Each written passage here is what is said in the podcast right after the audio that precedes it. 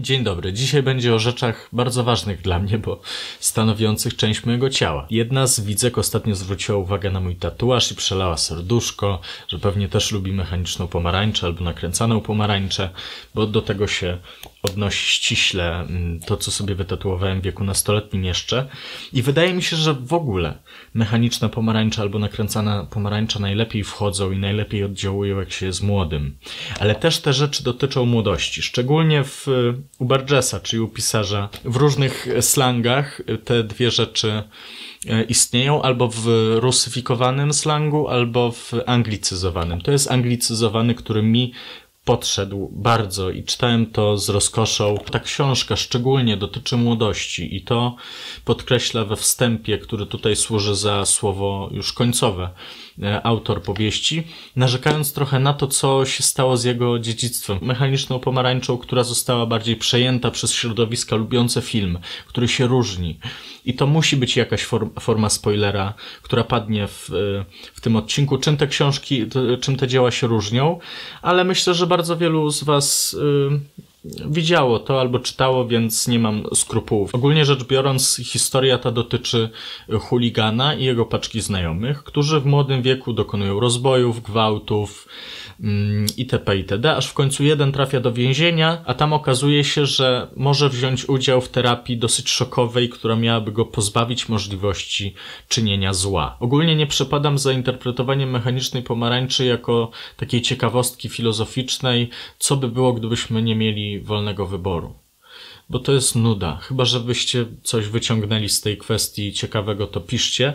Dla mnie raczej różne inne kwestie się wyświetlają, chociaż ta ostatnia, ostatnie obejrzenie mechanicznej pomarańczy z dzisiaj nie było tak intensywnym doświadczeniem jak kiedyś, bo jako młody człowiek to było tak wspaniałe w swojej właśnie brutalności, estetyzacji, ironicznej przemocy, przedstawienia świata, który jest jakąś alternatywną rzeczywistością. To był bodaj chyba nawet pierwszy film Kubricka, jaki widziałem, o ile się nie mylę. Może wcześniej widziałem Oczy szeroko zamknięte albo Lśnienie, ale już nie pamiętam. W każdym razie, gdybyście spytali mnie jeszcze 6 lat temu, jaki jest mój ulubiony film, to Mechaniczna Pomarańcza zdecydowanie dzisiaj już nie. Ale wracając do kwestii różnic pomiędzy książką a filmem, to Antony Burgess, pisarz, miał takie przeświadczenie, że człowiek jak jest młody, to robi głupie rzeczy, e, a później z nich wyrasta. I to jest ta różnica. W filmie Kubricka nie. A dosyć ciekawe jest to, że Kubrick po prostu przeczytał okrojoną wersję książki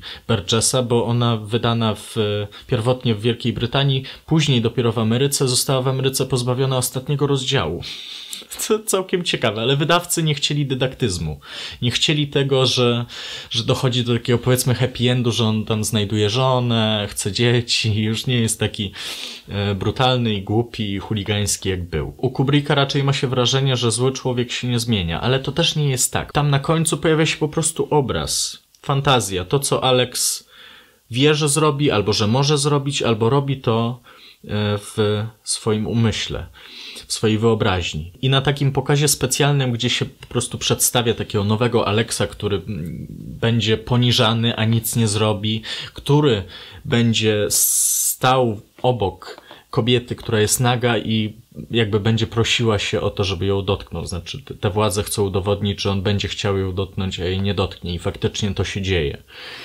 Tylko co jest tam ważne w tej scenie dla mnie, to to, że jest y, postać strażnika, który po prostu aż się, aż się poci, aż się oblizuje na, na widok tej kobiety. On tą kobietę zjada może to robić. Alex z kolei jest właśnie o tyle nieprzystosowany do życia w społeczeństwie, albo jest po prostu psychopatyczny, że jeżeli coś mu się pojawi jako fantazja, mm, brutalna, prze, przemocowa, to on chce ją zrealizować, no ale w pewnej chwili nie może. Moje dzisiejsze spojrzenie na ten film jest raczej takie, że Alex jest y, dobrem w rękach y, różnych ludzi mających swoje interesy polityczne albo po prostu prywatne, gdzie albo chce się udowodnić zasadność swojej terapii, która y, pozbawia społeczeństwo przestępczości, ale nie po to, żeby po prostu było dobrze, tylko po to, żeby nasza partia rządząca nadal rządziła z kolei ktoś, kto mógłby e, zdemaskować ten przemocowy gest w stronę przemocy,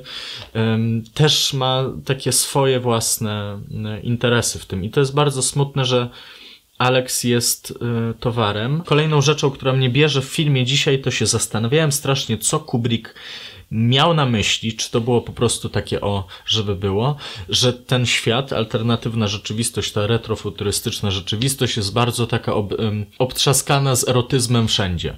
Czyli, że wszędzie są jakieś albo po prostu penis wyrzeźbiony, wielki, taka wańka wstańka, którą Alex w pewnej chwili się bawi i którą też robi pe pewne złe rzeczy. Są takie kiczowate obrazy półnagich kobiet gdzieś tam na ścianach w tych, w tych pokojach. I tak przez chwilę się zastanawiałem i dotarłem do bardzo prostego wniosku, że mm, Kubrick musiał myśleć Freudem w tym sensie, że ten świat sobie sublimuje.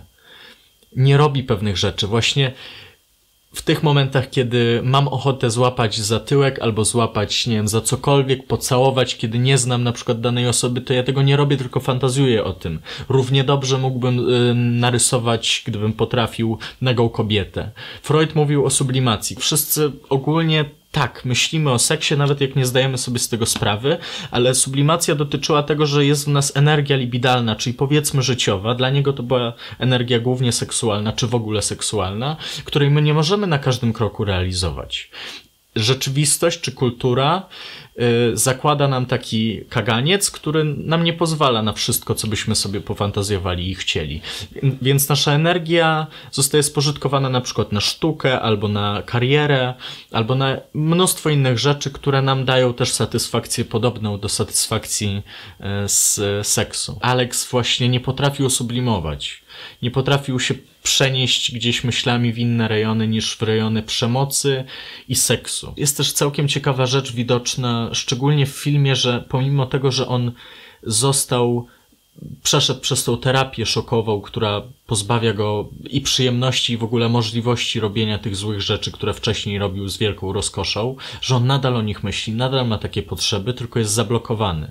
I tu mi się przypomina bardzo ważny filmik dla mnie, jak byłem y, młody, czyli Bertrand Russell o Bogu. I on tam na zadane pytanie, czy religia nie jest dobra przez to, czy dekalog nie jest dobry przez to, że ktoś nie ma swojego kręgosłupa moralnego i trzeba mu go narzucić. I faktycznie Bertrand Russell później odpowiada tak, nie, wydaje mi się, że cokolwiek narzucone z zewnątrz się nie liczy i że i tak ludzie robią i myślą to, co chcą. I to jest prawda.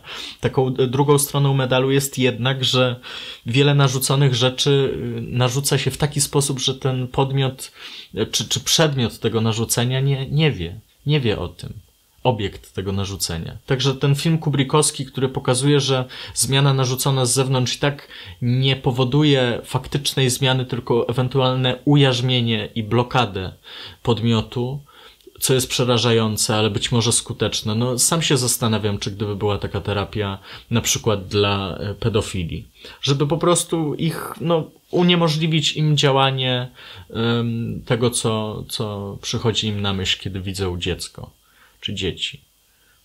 Myślę, że bardzo wiele osób by powiedziało tak, taka terapia jestem za. Książka powiedzmy ma ten dydaktyczny wymiar, że człowiek jak jest młody to się to robi głupie rzeczy, a później z nich wyrasta. Ale język zostaje. On zostaje przy swoim idiomie, przy swoim języku. Jest bardzo ciekawa rzecz y, odnoś, odnosząca się do języka i do szkoły choćby, że kiedy szkoła stała się powszechna, to głównie dlatego stała się na przykład powszechna i przymusowa, że należało ujednolicić różne lokalne mm, środowiska, które posługiwały się innym językiem. Ciężko byłoby je zmobilizować do służenia państwu na przykład. Trzeba wykonywać polecenia, trzeba mówić poprawnie i nie popełniać błędów ortograficznych, żeby przystosować nas do życia w społeczeństwie. I to jest bardzo przydatna umiejętność jednak radzić sobie w życiu, bo tak to się nazywa, ale ma to swoje ciemne strony tego rodzaju, albo po prostu frapujące, interesujące, że kiedy faktycznie te pierwsze pokolenia szły do szkoły z rodzin, które jeszcze szkoły nie przeżyły,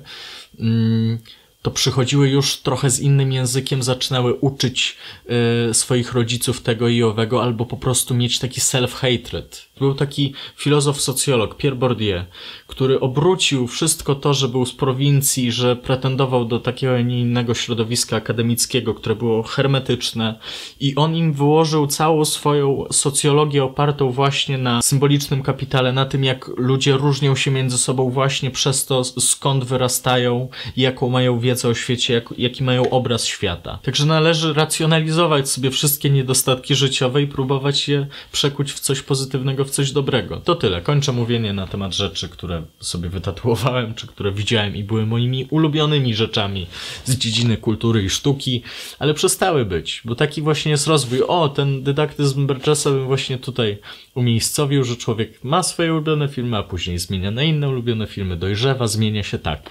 Tylko faktycznie sztuka nie musi być od tego, żeby pokazywać tak tą rzeczywistość, która naprawdę istnieje, ale właśnie sztukę, która oferuje jakąś swoją rzeczywistość, jak u Kubricka. No,